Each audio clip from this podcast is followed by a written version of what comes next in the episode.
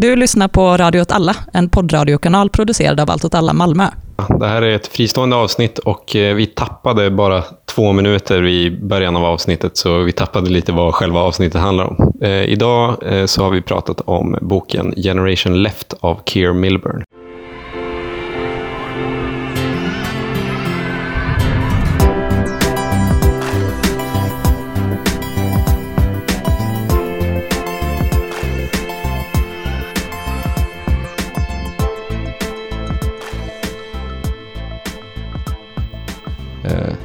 Så kan man väl säga att, uh, att, eh, att Keir, Milburn försöker förstå uh, vad, vad som hänt när det i Storbritannien, där han uh, är politiskt aktiv, just nu sker en våg av ungdomar, eller folk under 30 kan man väl säga, som är politiskt aktiva och radikalt vänster.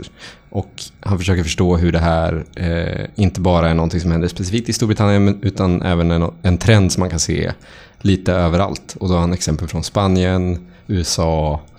Ja. Men, men vad är hans liksom, eh, huvudcase, ska man säga? en djup suck innan jag börjar, så att man förstår hur, hur komplicerat det här Vilken är. Vilken jävla soppa det är. Exakt. Vad fan är det vi har läst egentligen, tänker man.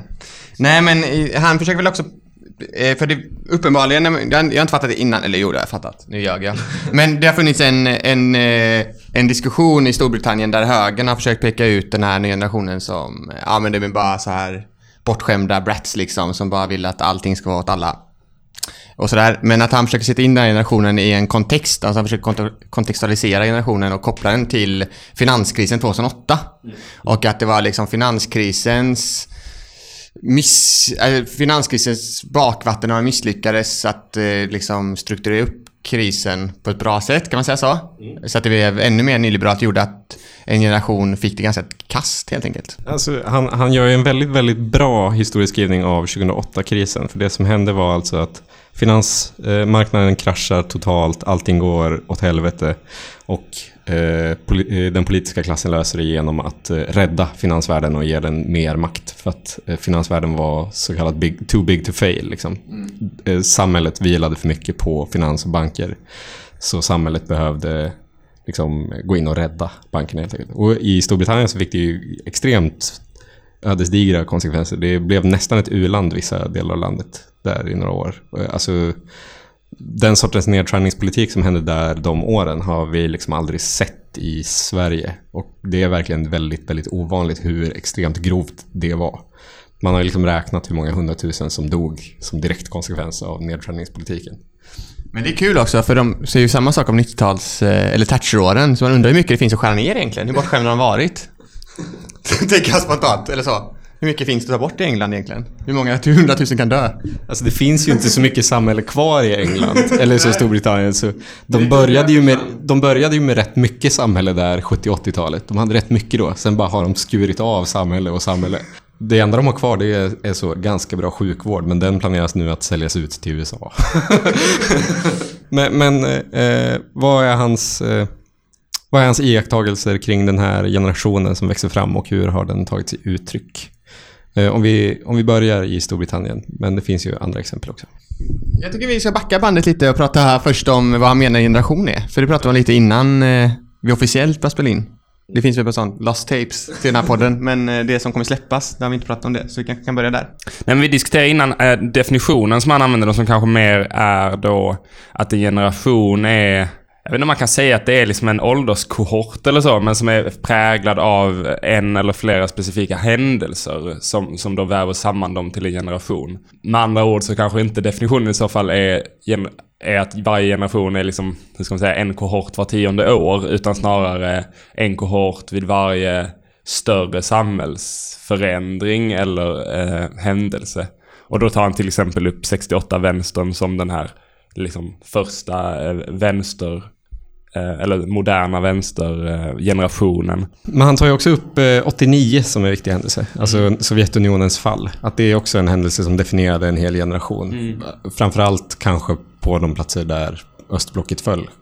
Men också liksom överallt i hela Europa och Alltså generationerna innan var präglade av kalla kriget medan generationerna efter har präglats av liksom någon slags tillstånd där allting är detsamma överallt. Eh, som är en helt annan kontext. Vad skulle ni säga att det har påverkat er generation då? Vilken är stora händelsen? För det är det här jag alltid hade lite svårt att förstå. För man kan ju prata om en stor händelse som 68, det var ett görande också, det var en revolt liksom mot någonting. Men sen blandar man in ett systemskifte i det. Det är två olika saker för mig. Men eh, vad är era generationella stora händelser? Men jag skulle, alltså i Sverige vet fan, men, men jag skulle definitivt säga att 2008 i USA och Storbritannien och i stora delar av Europa var en sån generationsskapande händelse. Inte bara liksom själva finanskrisen utan också den reaktion som skedde direkt efter. Alltså Occupy Wall Street i USA, eh, alla liksom, framstående vänstermänniskor i USA idag kommer ur den händelsen. Liksom. Och alla som är eh, någon slags radikal vänster i Storbritannien kommer ur studentprotesterna 2011 alla som är radikalvänster i Spanien kommer ur 15M-rörelsen 2011. Eh, och allt det var svar på 2008-krisen. Så även det har ju varit en, en generationsskapande händelse som varit producerad genom politiska praktiker och inte bara ett systemskifte som skedde över folks huvuden. Liksom. Ja, precis. Jag tror, sen så kanske det inte heller finns en generation left i Sverige på det sättet just nu i alla fall. Um, skulle jag ändå tänka mig att det inte finns samma stora mobilisering inom vänstern på det sättet. Eller? Mm. Hur tänker ni? Jag håller med. Jag, jag, det men jag tycker också att, att Sverige har ju missat alla feta gång, gånger. Det har varit gång, typ 68-rörelsen, när, det, när hela Paris brann så valde man att lagligt ockupera ett kårhus. Som man själv ägde. Som man själv ägde typ. När 2008-krisen var så hände ju fan ingenting. Jo, man ockuperade lässalar genom att be om lov. Eh, det enda är väl så att det är kortvariga typ cykler av kamp som... Jag tänkte på det här lite idag. Typ kanske husockupationsrörelsen på 2009. Mm. Kanske den antirasistiska vågen som sammanföll med SDs framgångar 2014. Typ att det kanske är våra... Men de är så korta och dessutom så är det ofta inte att det är... Det är inget görande, alltså det, det är en direkt praktik. Jo, 2014 och 2009 var det husockupationer och torgmötesprotester men det är inte det här, det blir aldrig så här magnifikt stort. Och det, det, man blir lite ledsen när man läser den här boken på grund av det. Fast jag håller inte alls med, eller jag håller ju helt med, men jag tycker att folk väldigt ofta i Sverige och i svensk vänster glömmer bort en extremt stor generationsskapande händelse och en väldigt stor motståndspraktik som var väldigt väl etablerad i Sverige och det var ju Pirate Bay. Eh, som eh, skapade en hel generation faktiskt. Mm. Eh, eh och, och, totalt förändrade hur människor såg och tänkte kring eh, upphovsrätt och egendom. Uh, och det, det, tycker inte jag, alltså det ska man inte förminska hur viktigt det var. Sen förlorade den generationen kan man säga, eller den generationen köptes av Netflix. Jag sitter också med prenumerationer till Netflix och allt skit liksom. Men det är ändå en viktig händelse som jag tycker man kan känna igen ganska mycket i den här boken.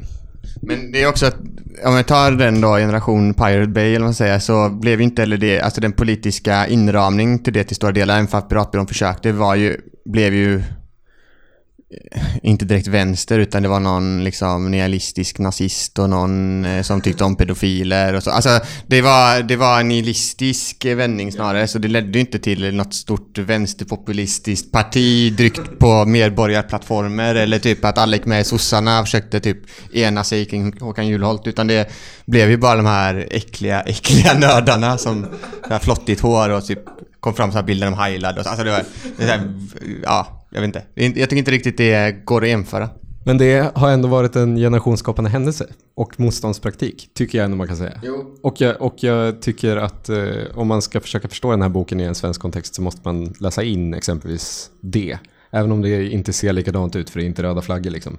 Så tror jag att det har varit väldigt viktigt för väldigt, väldigt många. Jag vet inte om man skulle kunna tänka på 2014, inte bara som de här protesterna mot SD, utan som det här liksom året när kanske antirasism och feminism typ så eh, mergade eh, och blev det liksom stora på, i alla fall det var liksom till exempel då jag upplevde mig själv som typ ung. Eh, eller så, då, då jag var typ i 20-årsåldern. Um, och och eh, att det var det som var på allas läppar. Vilket jag inte upplever längre alls och att det var en ganska kortvarig trend. Men jag tycker ändå att jag upplever att den generationen lite har kvar det tänket typ så. Um, alltså en sån grundidé som jag till exempel kan känna i min, i min eh, eh, klass på universitetet. Att så här, de, den typen av idé finns hos, gemensamt hos oss alla. Som såklart också är en homogen grupp på många olika sätt och så. Men eh, som jag ändå tänker har levt kvar också. Så jag tror att det är 2014 mm, och, eller så här, från, ska man säga, SDs intåg i riksdagen fram till 2014 eh, ändå var också en generationsskapande så händelse.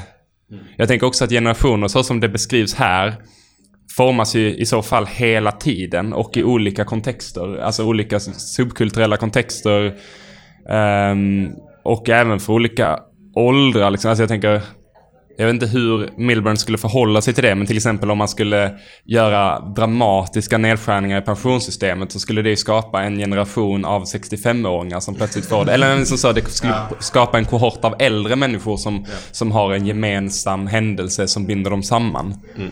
Fast det, det, tycker jag också är ganska talande om man tittar ut i världen. Eh, i, på de platser där det finns en stark eh, vänsterrörelse som drivs av den här 2008-generationen är att de har ju bara en generationell allierad och det är de som är i pension. Mm. Och att det är väldigt återkommande på väldigt, väldigt många platser. Tillräckligt många platser för att man inte ska tänka att det bara är för att att det bara är en slump eller att det bara är så att gamla människor är bra människor. Utan liksom eh, till exempel i Berlin eh, med deras eh, exproprieringskampanj där de försöker expropriera stora delar av bostadsbeståndet så är det ju bara folk under 35 och folk över 65 som bryr sig. Eh, alla däremellan skiter ju i. Och det tycker jag är ganska återkommande inom allt möjligt. Även inom sjukvårdsfrågan i Spanien och så vidare. Men att, att det är att jag tror att det är två generationer som båda sammansvärjdes på något märkligt sätt. Men tar inte också Milburn just upp eh, eh, pensionärer som en sån grupp? Alltså, ja, han jag, säger att de har väldigt mycket fritid. Precis, att de har mycket. nej men så att det finns väl också en sån... I, om man nu vill skapa... Eh, eller typ så här kämpa för olika saker men också att, att vara aktör i de samhällsförändringarna som sker. Mm. Så krävs det väl typ mycket tid, mycket engagemang. Mm eh, inte jobba heltid. Yeah. Och då finns det ju typ två grupper i samhället som inte gör det. Alltså unga människor och gamla människor. Men han har ju också ett, en liksom större eh, tanke kring att de som skapar de här stora vänsterrörelserna, det är folk som fått sin framtid stulen. Mm. Eh, och det är också återkommande både för de över 65 och de under 35. Att det, i Spanien exempelvis drevs ju hela rörelsen till stor del av eh, folk som var nyexaminerade från universitet men inte kunde få ett jobb. Så de hade enorma studieskulder som de inte kunde få något för. För det var hög arbetslöshet. Eh, så då hade de fått sin stulen tagen ifrån sig av en finanskris. Och sen också folk som nyss har gått i pension och då möts av en extremt nedskuren välfärd. Eller folk som just ska gå i pension och möter en höjd pensionsålder också. Att, att det är de grupperna av människor som kan driva stora vänsterprojekt. Jag, jag tycker, eftersom jag är så... Eh, jag blir kallad anal vänsterkille någon, men kan vi leva in i den rollen då? Men då, eh, för det, det, känns också som att man ofta, den, den generation man har förlorat, man pratar om pensionärerna och ungdomarna, det är ju the normal guy liksom. Någon som är mellan 40 och 60 då kanske, 65. Eh, och det är de som inte röstar på Labour idag till exempel. De röstar ju på UKIP. Eh, eller liknande partier. Men eh, att det är ganska intressant för det finns också en förhoppning alltid i, i vänsterrörelser att vinna den gruppen ju. Mm. Det finns ju alltid det. Men jag tror det var Göran Greider som hade undersökt socialdemokratins rörelse och vilka det var som var liksom de tog, eller de, var, var vilka var som drivande rörelsen och han kom ju fram till att snittarna alltid var 25. Det var bara det att de fick in så jävla mycket 25-åringar till den. Så, att den, så det var alltid de som var drivande i det. Så där finns det absolut en poäng att, som du säger, att det, det här att man inte ska ha ett eh, fast arbete kanske eller eh, ha mycket tid för sina händer är liksom ganska viktigt för att bygga en, en, stor rörelse. Så det kanske inte är ungdomar per se utan mer folk som lever i marginalerna man är ute efter på något sätt. Ja, jag tänker också vad som är intressant med just Milburn i förhållande till Generation Left, eller så, så hur han beskriver vuxengenerationen nu då i Storbritannien som är liksom, hur ska man säga, efter 80-talets stora privatiseringar eh, och ett större fokus på privat egendom. Att man är liksom lite ägd av eh, egendomen. Men att också så här, alla som kommer nu är liksom så, så jävla ägda av egendomen att de aldrig ens kommer kunna komma dit. Alltså så... Eh, de kommer liksom aldrig kunna köpa ett boende. Eh, Det, det ser man också i statistik i Sverige, att eh, unga vuxna som ska ut på bostadsmarknaden. För det första så har liksom andelen som bor hemma hos sina föräldrar ökat ganska dramatiskt de senaste tio åren. Den har fördubblats sedan 97, liksom, den statistiken. Eh, och eh, de som kommer in på bostadsmarknaden, en stor del av dem är folk som eh, flyttar in i en bostadsrätt. Och väldigt stor del av dem som flyttar in i en bostadsrätt i den ålderskategorin, det är ju folk som får hjälp av sina föräldrar. Eh, och det är ju eh, eh, en liksom ekonomisk dimension eh, där, där för att få en bostad så krävs det helt andra medel än det någonsin gjort innan. Eh, och jag, eh, jag tycker också att man, liksom, för det är ju också någon, på något sätt att få sin framtid stulen från sig, att inte kunna flytta hemifrån när man är 27. Liksom. För att man, man har bara sex år i sin bostadskö och, och är fast. Liksom. Men jag kan, ja, vi pratade ju innan också vilka generationer du tillhörde. Jag tillhör då 80-talistgenerationen, så vi kom fram till att det hette generation eh, fail, loser, för att vi, vi är de som liksom var de första som fick det sämre än våra föräldrar sen 40-talet eller någonting sånt. Och eh, det, han anekdoten också, jag satt och kollade, jag, alltid, jag, jag när alltid en naiv dröm att jag någon gång ska flytta hem till Göteborg liksom. Så jag satt och kollade så här på bostadsmarknaden i Göteborg och så kollade jag lite för DN la upp så här, man kan räkna ut hur mycket man behövde både inkomst och kapital för att köpa en lägenhet. Och då kom jag fram till att fan, jag har ingen möjlighet att flytta hem. Jag är ju fast här. Eller så. Och det var, det, det känns ändå så att det borde vara fler som har den upplevelsen liksom. Att man, man kan inte, man kommer inte man kan inte, alltså den här illusionen som kanske var en ganska stark illusion och fanns någon möjlighet i innan. Eh, då att man liksom på något sätt kunde göra en bostadskarriär eller sådär och man kunde bo typ där man ville. Den är ju död. Eller så, eller den borde dö. Ja, och den är död kanske framförallt på grund av eh, att hyres... Liksom köerna i de stora städerna är så döda, men också det att, att det liksom krävs enormt mycket kapital för att kunna komma in på, på bostadsrättsmarknaden. Eller jag tänker att det, och det, och liksom både det att det är typ i Göteborg, Stockholm, även i Malmö, även om det är liksom en lite enklare hyresmarknad här. Men att det gör väl att folk drar sig från att flytta till de städerna, även om, inte- även om såklart jättemånga också flyttar till de städerna. Men... Eh, eller jag tänker att... Svagt case kanske. Jag vet inte. Men det blir också en intressant liksom, paradox för att eh, lösningen som håller på att växa fram från politiskt håll nu det är ju att man ska minska kontantinsatserna och sånt på att belåna sig för att köpa ett hem. Alltså att skapa en mer otrygg bostadsmarknad. Eller så finansbostadsmarknad.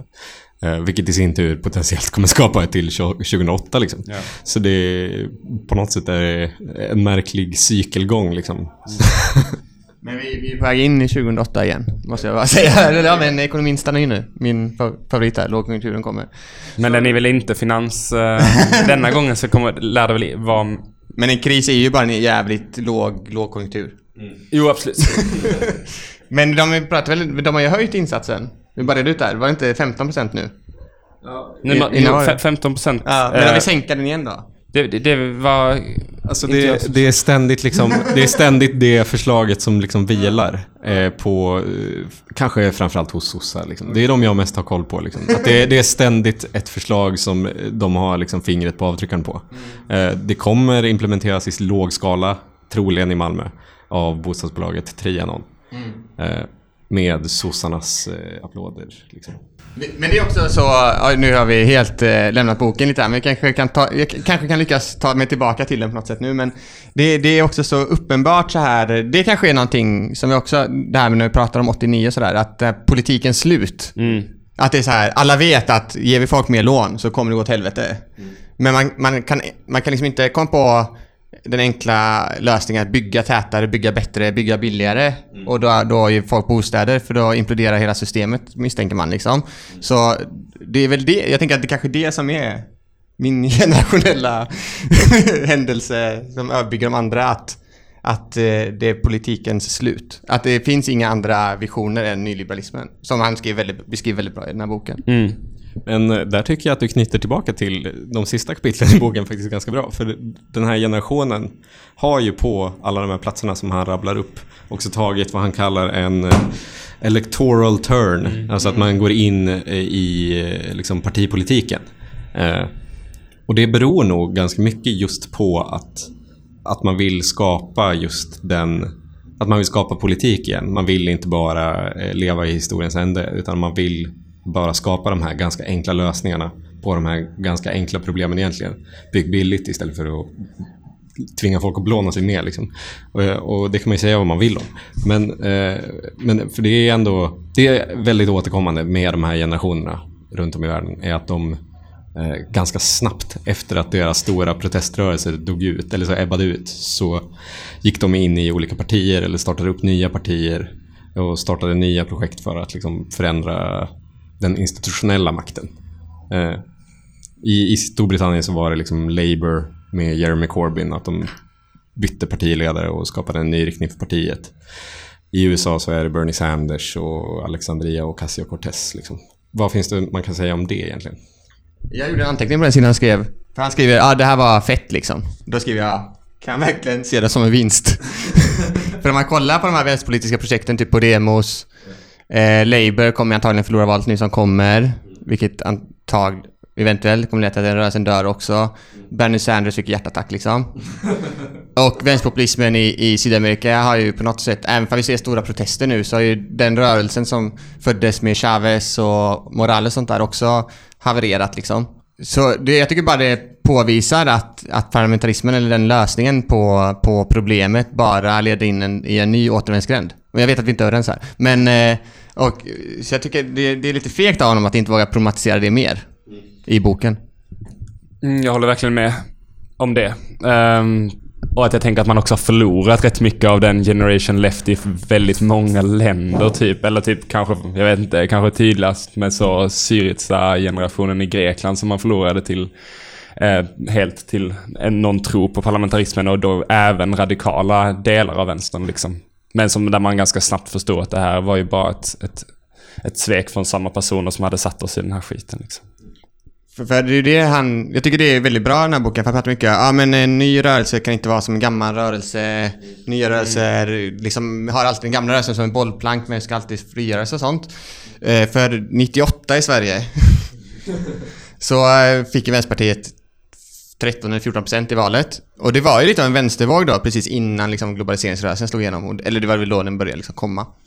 Och det som hände var ju att Vänsterpartiet växte skitmycket, men de fick ju också så stora parlamentariska fram, framgångar så helt plötsligt måste alla aktivister sitta i sina jävla nämnder liksom. Och bli uppätna av det här partimaskineriet och då förlorar man det här som han pratar om, görandet eller händelsen liksom. Istället att bara sitter man där och eh, läser in sig i olika protokoll och sånt. Jag tänker att det är det som händer, det är det som också har hänt med Podemos. Jag tycker han problematiserade lite mer än ni ger uttryck för. för, hans, hans case om liksom den här eh, partipolitiska vändningen är ju att, de, att det finns tecken på att man gör det på ett annat sätt. Att man, att man, eh, att man försöker att eh, gå in i partipolitiken men också i det eh, ta makt och förflytta makt ut i nya former av liksom, sociala institutioner. Att man, eh, exempelvis mitt favoritexempel i Barcelona, jag vet att jag eh, tjatar sönder om den jävla stan, men är ju att sen kanske det projektet går åt helvete också, jag vet inte, jag bryr mig inte så mycket egentligen. Eh, men Sluta ljug. men, men, det, men det, det de försökt göra i alla fall, det är att de försökt ta makten i kommunen och sen förflytta ut makten i olika kvartersråd och utöka den demokratiska kontrollen. Och eh, eh Keir Milburns case är ju att man eh, i Storbritannien försöker göra samma grej. Labour flyttar också ut makten ut i olika märkliga råd och councils och vi ska ha en Green New Deal som är decentraliserad och så vidare. Som jag ändå tycker är eh, spännande just eftersom att det inte bara är nu ska vi fixa problem utan nu ska vi skapa eh, institutioner med makt eh, att liksom radikalt förändra samhället. Jo, men det, det är ju de intressanta delarna, men om man då ser på... Det är ju två exempel då där egentligen. England och Barcelona. Inte ens Spanien. Och om man ser på då resten av världens vänsterpopulistiska rörelse så har det ju bara slutat med att de har blivit uppätna av ett parti maskineri på något sätt eller liksom blivit en del av eh, de bestående institutionerna. Även typ om man ska ta Venezuela och Bolivia har man gjort samma progressiva förslag men i slutändan så det här liksom eh, vad ska man säga, parlamentariska kohandlandet leder ändå till att rörelserna blir liksom impotenta i sitt handlande. Och jag tror det det, är det som är problemet. Alltså det är det är skitfett. Alltså, eh, jag hade ju röstat på ett sånt parti, eller kanske till och med hjälpt det, om det dök upp här. Men, men jag tror att man, att se liksom den... Jag skulle nog, jag skulle nog han problematiserade det såklart, men jag skulle nog vara ännu hårdare liksom och bara... Det kanske var slutet av Generation Left. Snarare än något nytt och fett. Men jag tänker också att det är svårt att um, tänka sig att det finns en så stadig vänster typ överallt i Europa mm. idag. Eller i dessa tider. För att jag tänker att det verkligen känns som motsatsen på jättemånga sätt. Och det känns framförallt lite som att det eller lite när jag, när vi, hur ska man säga, är aktiva i Allt åt alla, i den gamla autonoma rörelsen eller vad man än vill kalla den. Mm. med väldigt lite återväxt av unga människor som tidigare har präglat den här rörelsen supermycket. Mm. Uh, och att det inte finns och att det liksom finns ett, ett glapp. Känner jag. I Sverige i alla fall, som man har mest insyn i. Men typ, även när jag har varit aktiv i Tyskland och så. Eh, av, eh, av organisering liksom i de ton, eh, inte, övre tonåren liksom. Och vad som kommer komma nu, liksom, för det är ju en generation som jag tänker är väldigt skild bara från oss som är födda på mitten av 90-talet. Och de som är födda i början av 2000-talet. Alltså så här, jag tänker att det liksom blev ganska snabba, stora förändringar.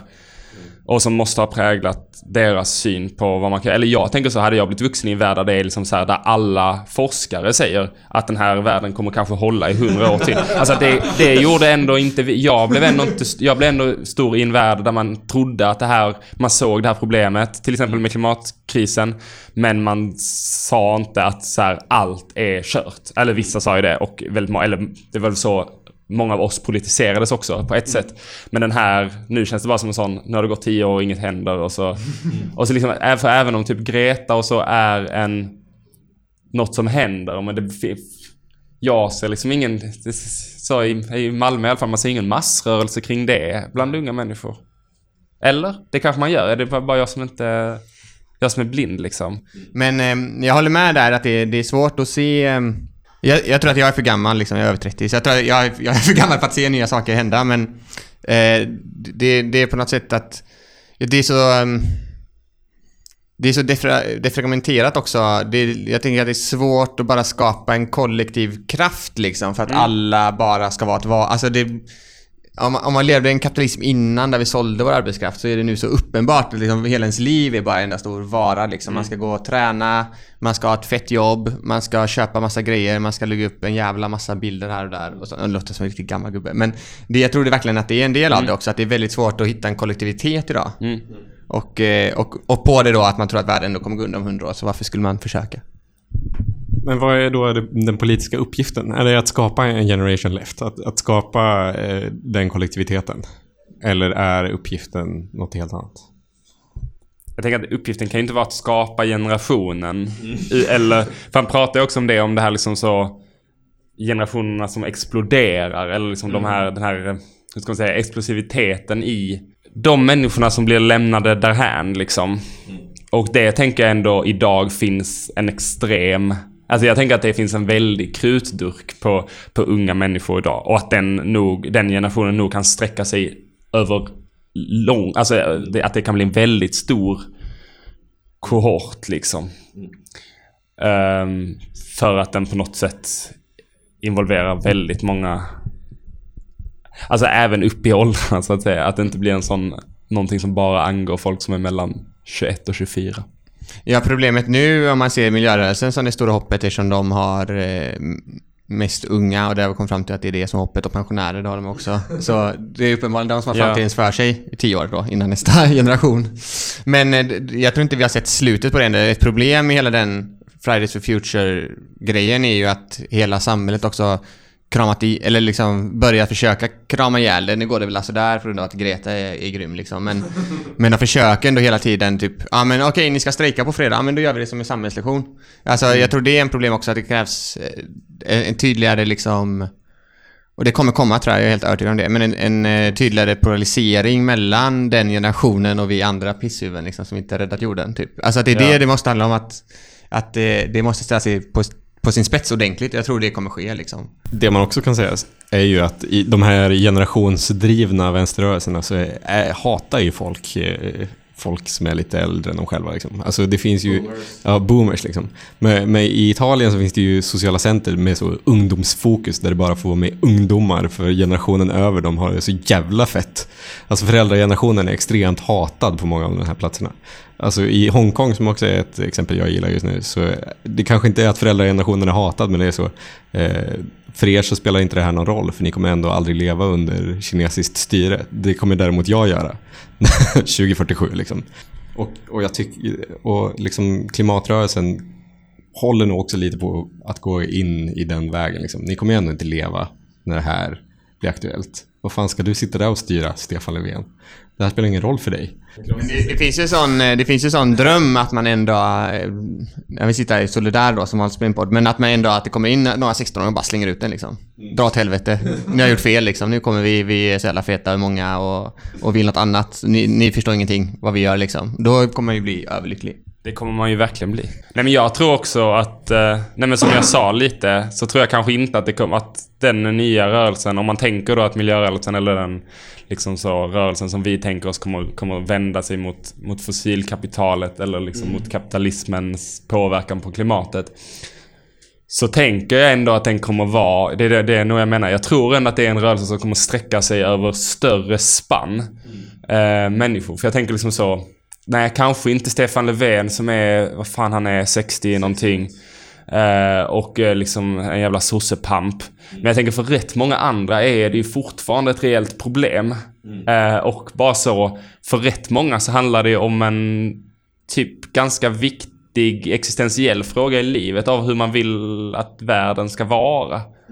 Eh, och då tror jag att den kommer inbegripa mer än bara en ungdomsgeneration. Jag tycker man ser det också.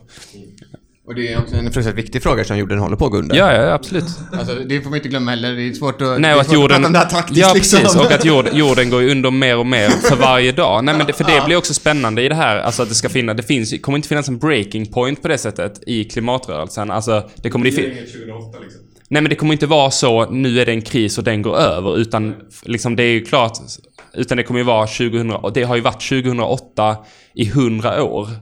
Och ba, som bara blir sämre. Alltså om man tittar bara på liksom utsläpp och... Eh, uh, temperatur, alltså så, och den och liksom avverkning av skog och allt väldigt Uh, eh, mer öken. Alltså allt liksom. Och det, och det blir bara värre för varje dag. Och det tror jag ändå kommer skilja den rörelsen för att man agerar med ett sånt, man kommer hela tiden få kraft i det. I att hela tiden, för sen efter 2008 så var det väl typ så, hur, hur många dagar gick börsen ner? Det var väl typ så ett och ett halvt år, eller något. 300 någonting dagar. Alltså, och sen så vände det och sen började folk prata om att det kommer bli bättre igen. Så, och även om inte vi trodde på det 2009, men, men jag menar det, det gör ju någonting med ens medvetande om allting bara går och blir sämre hela tiden. Jag har också en annan långsökt spaning som jag kom på nu när vi pratar om med klimat. Yes. För jag lyssnade på eh, Stormens utveckling. Eh, Ola Söderholm som har programmet och han har bjudit in Therese Uddenfelt som har skrivit en bok om att allting eh, eh, går åt helvete. Och det de skulle försöka förstå var klimatrörelsens eh, taktik och sådär. Och det första han säger är Nej, jag har aldrig gillat att vara aktivist. För jag gillar inte så här kollektiva sammanhang och sådär.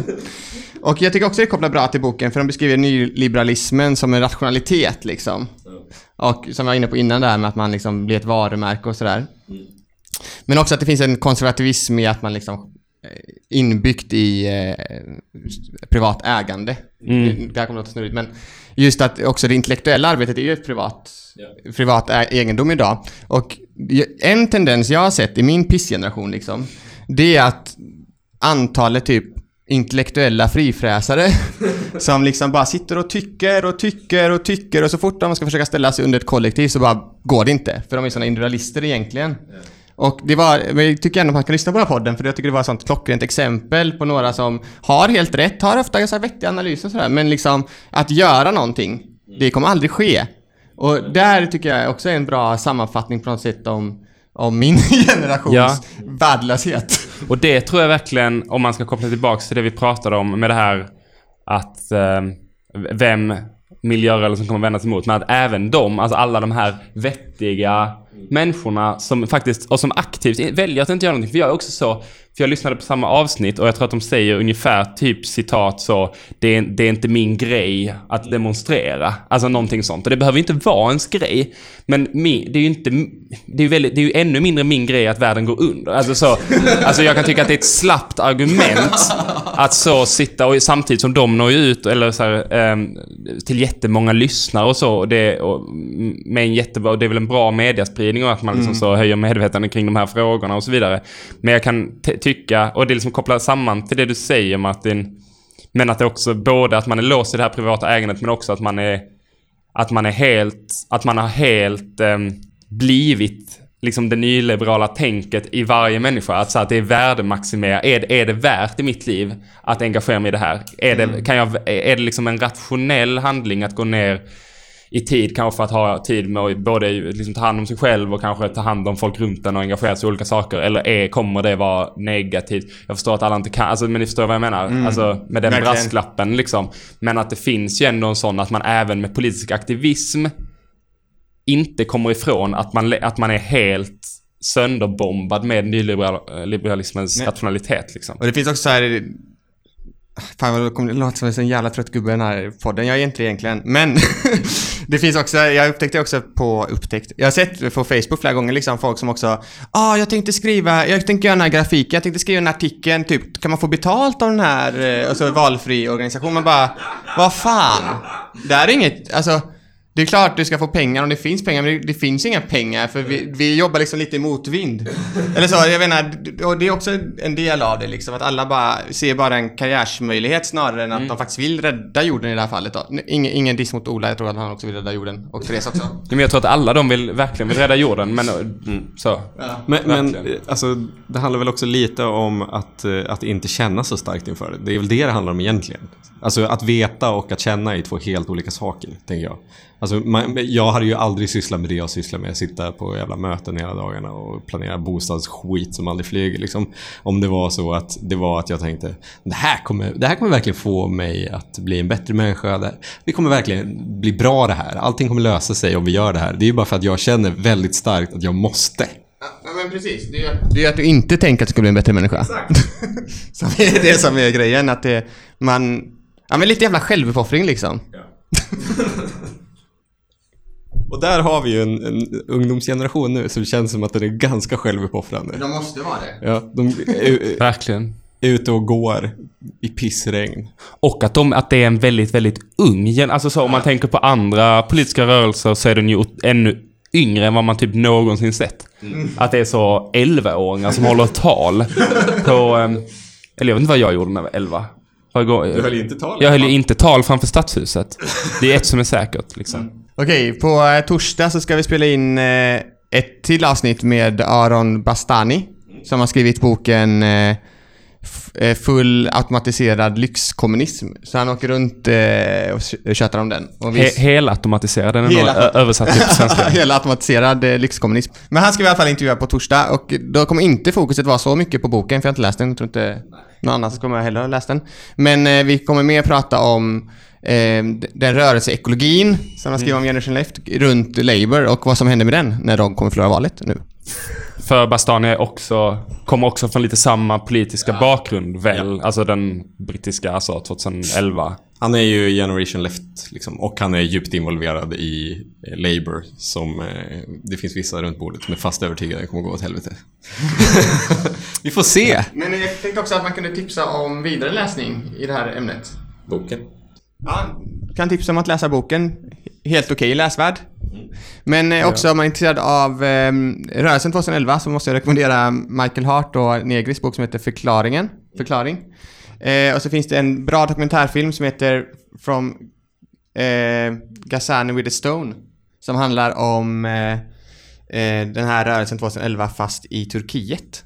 Som är jättebra. Så jag ville bara tipsa någon på också.